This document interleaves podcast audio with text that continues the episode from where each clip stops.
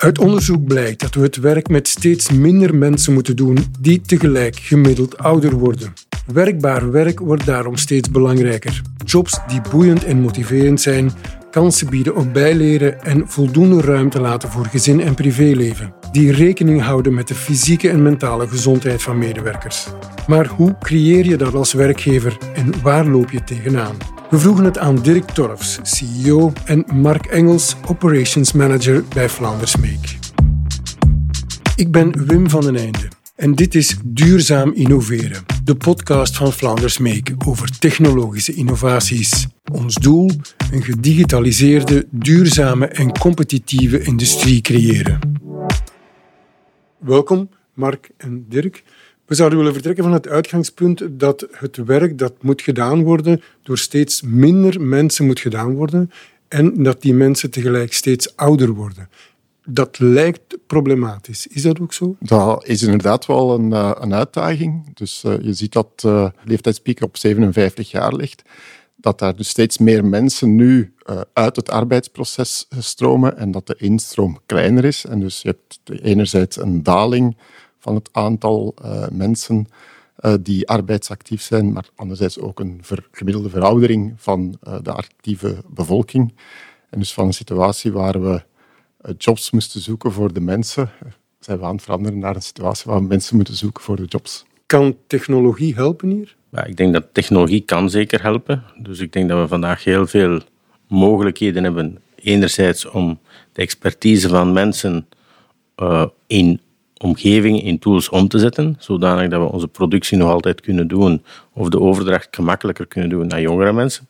Anderzijds kunnen we mensen ook ondersteunen met robots, met uh, dashboards rond uh, of een overzicht van wat er gebeurt in de productie, zodanig dat zij veel effectiever hun tijd kunnen spenderen aan die taken die heel belangrijk zijn voor de productie.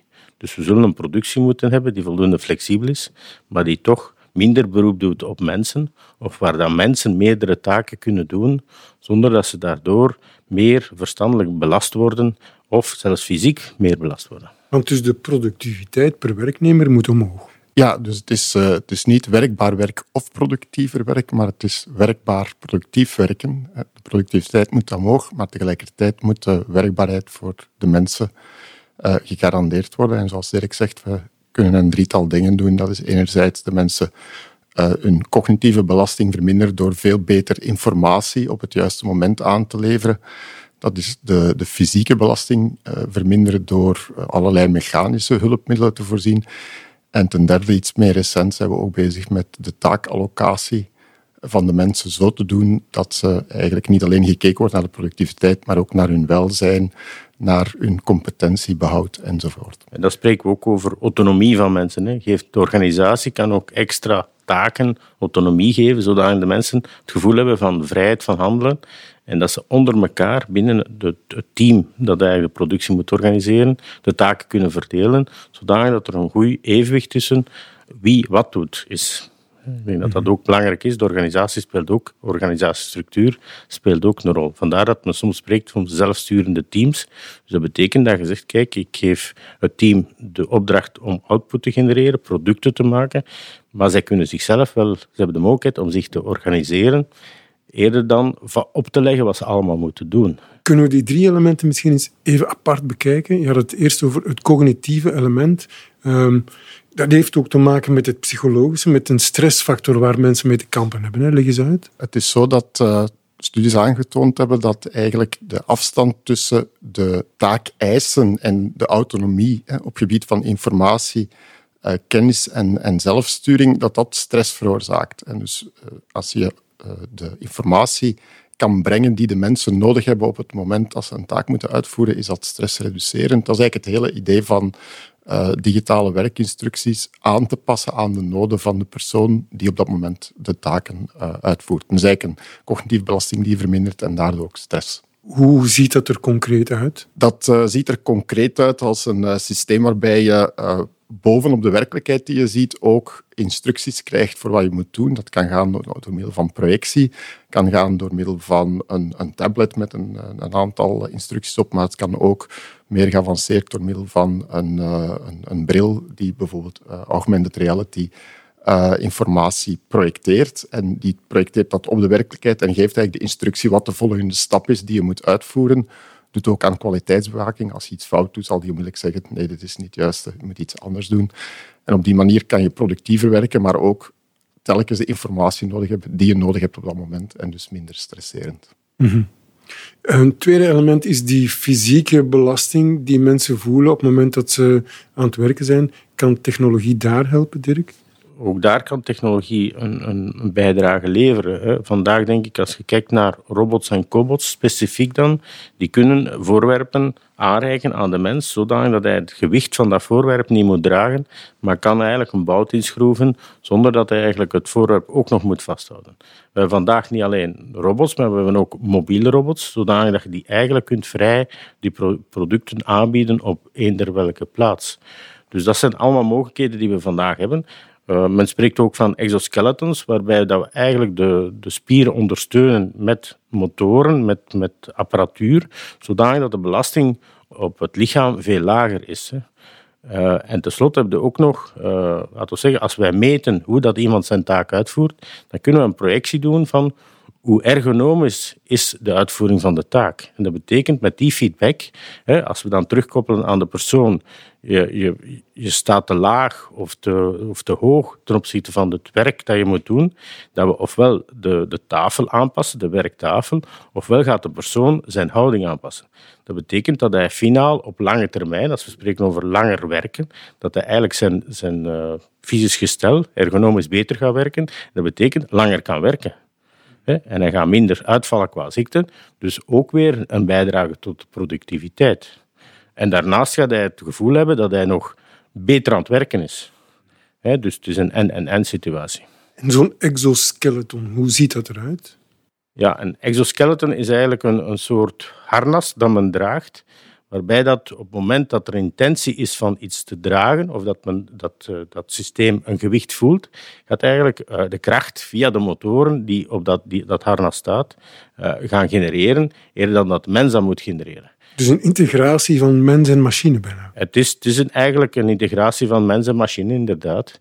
Hè, waarbij dat je het gevoel moet hebben dat de mens die moet onder controle blijven van, zijn, van wat hij aan het doen is, maar die moet automatisch ondersteund worden, hè, daar waar dat het beter is voor hem om ondersteund te worden. Is bij die digitale werkinstructies die men krijgt ook niet het gevoel dat er een soort Big Brother uh, kijkt naar hen en dat men ja, het beeld van Charlie Chaplin in Modern Times daagt bij mij een beetje op, versie 4.0, uh, van iemand die gereduceerd wordt tot een klein radertje in een soort grote ja, digitale universum. Misschien is dat heel erg onaangenaam.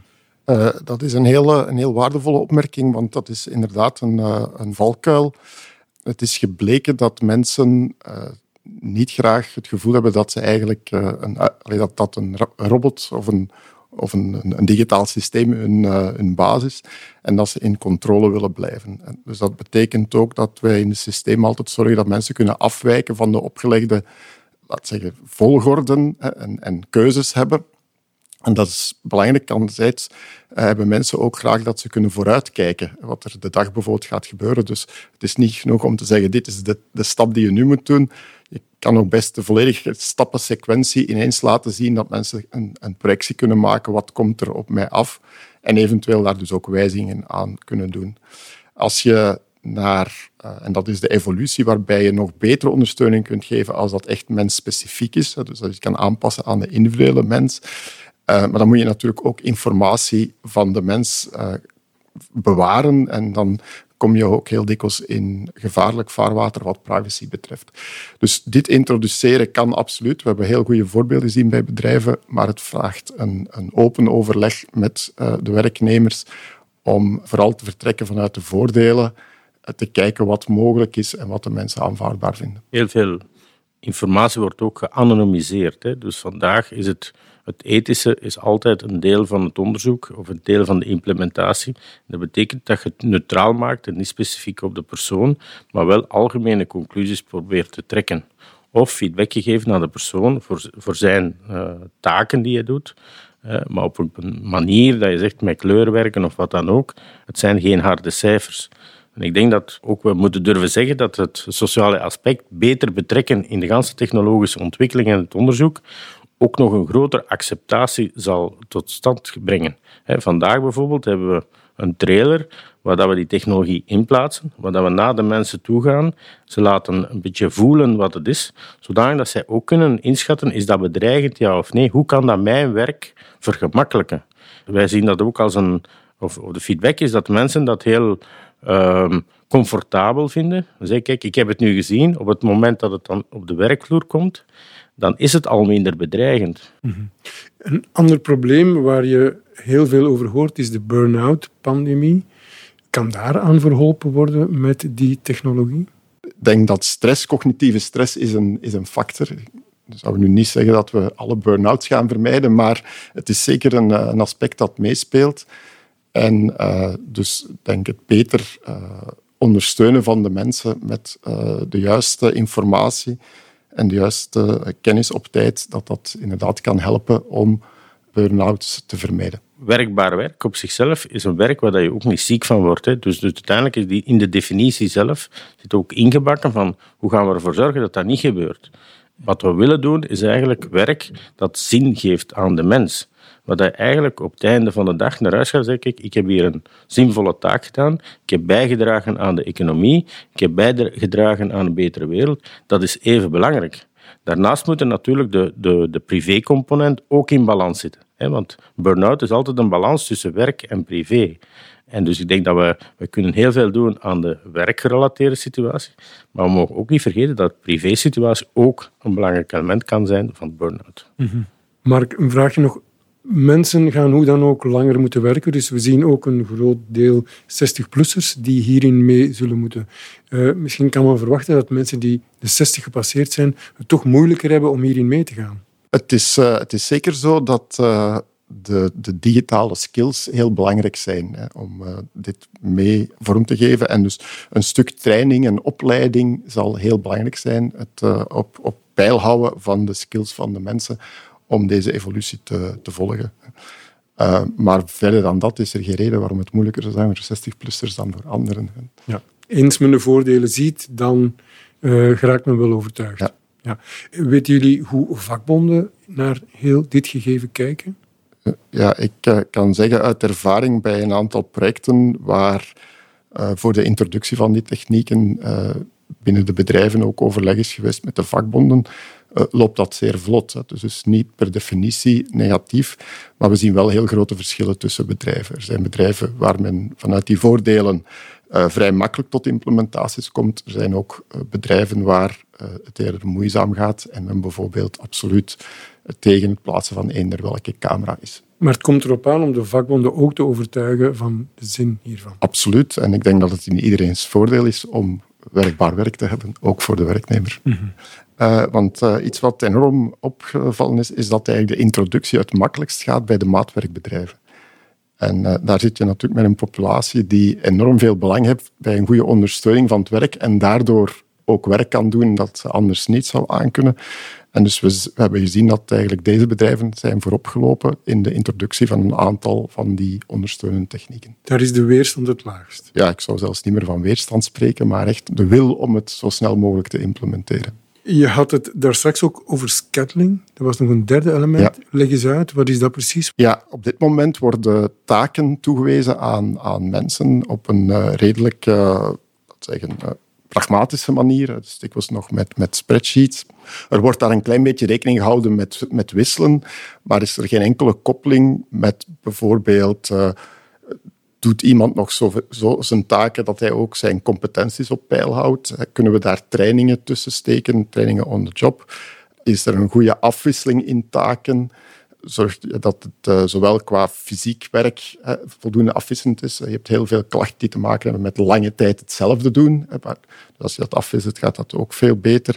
Uh, heb je ook cognitief periodes van wat meer stresserend, minder stresserend die je kunt afwisselen. Dus je zou dat veel, veel beter kunnen doen door dat via een, een computerprogramma te, te optimaliseren. En dat is net het onderzoek dat we nu gestart zijn, waarbij we dus niet alleen de productiviteit, maar ook het welzijn van de medewerker en zijn competenties mee in rekening brengen in die taaktoewijzingsprogramma's. Dat is nieuw gestart onderzoek, maar wij verwachten daar heel veel van. Eigenlijk de volgende stap in zorgen om naar werkbaar werk te gaan. Mm Mark, je had het over maatwerkbedrijven. Zijn er nog voorbeelden van bedrijven die voorop lopen bij ons? Uh, naast de maatwerkbedrijven zou ik zeggen dat een aantal heel grote assemblagebedrijven toch een, eh, een, aantal implementaties hebben. Denk aan bedrijven gelijk Atlas Copco, CNH, Taikin. Er is ook, en dan specifiek naar digitale werkinstructies, een heel ecosysteem in Vlaanderen van kleine technologieproviders die die systemen ontwikkelen en leveren. Daar denken we aan Arcade, Azumuta en zo verder. Uh, en dus dat is eigenlijk een heel mooi ecosysteem dat samen vooruit gaat. Ik denk dat je kan zeggen dat op het gebied van werkinstructies Vlaanderen toch wel uh, een van de vooroplopers uh, is. En daarbij zijn het niet alleen de grote bedrijven, want het lijkt alsof het weggelegd is voor de grote bedrijven, maar bedrijven zoals Baltimore, uh, Provam, Adax, die gebruiken dat ook. Dus het is eigenlijk daar wat het bedrijf uh, meerdere producten door elkaar moet maken, is dat een goede oplossing. En die wordt veel uh, gemakkelijker introduceerbaar vandaag dan gisteren. Want een overweging waar elke ondernemer altijd mee in zijn achterhoofd zit, is wat brengt dit op voor mij?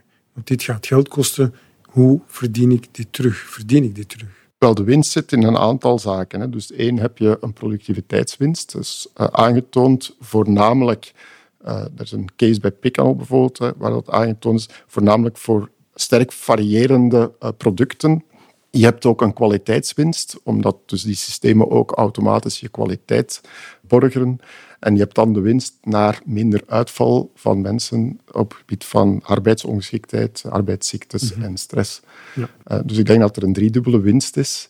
We hebben geen echte ROI hier uh, berekend, maar uh, de overtuiging is toch, en ook als ik zie hoe het overal eh, toegepast wordt, dat dat een, eh, een, een, positief verhaal is. De mensen zijn productiever en ze werken graag. Ze vallen minder uit. Ja, en de kwaliteit verhoogt ook van de producten die de, de ondernemer levert aan zijn klanten. Mm Dus ik denk dat dat op dat vlak is ook een belangrijke meerwaarde. Die kan zeer snel inspelen op de noden van zijn klanten.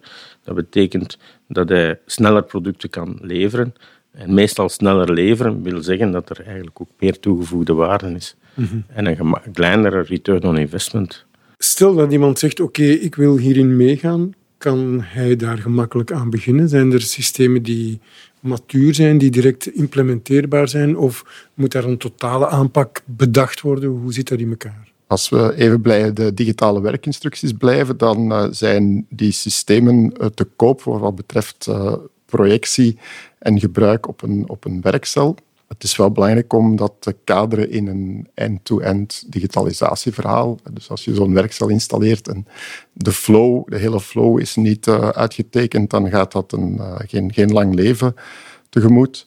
Uh, maar dus de apparatuur is eigenlijk beschikbaar, kan je aankopen. Het belangrijke is die, dat end-to-end flow verhaal op orde te hebben voor je het installeert. Mm Wat betreft de, de ergonomische ondersteuning, uh, zijn de systemen, komen eigenlijk meer en meer op de markt, de slimme systemen. Ze staan iets minder ver, maar ik verwacht in het komende jaar dat daar ook de eerste apparatuur aan te schaffen is. Mhm. En dat is meer gelokaliseerd, dus daar moet je eigenlijk minder voorbereiding end-to-end doen. Maar die voorbereiding end-to-end is wel belangrijk en dat vraagt toch wel een globale strategie. Dus een zware investering ook. Ja, ik denk dat, dat het zwaar is dat zou ik nog betwijfelen, maar het, is, vraagt een investering. Maar anderzijds denk ik dat je ook op termijn uh, heel veel winsten kunt uh, eruit halen door, door net een, een, gestructureerde aanpak te hebben. Een goede strategie leidt tot eigenlijk een gestructureerde aanpak, een, een, digitalisering van je processen.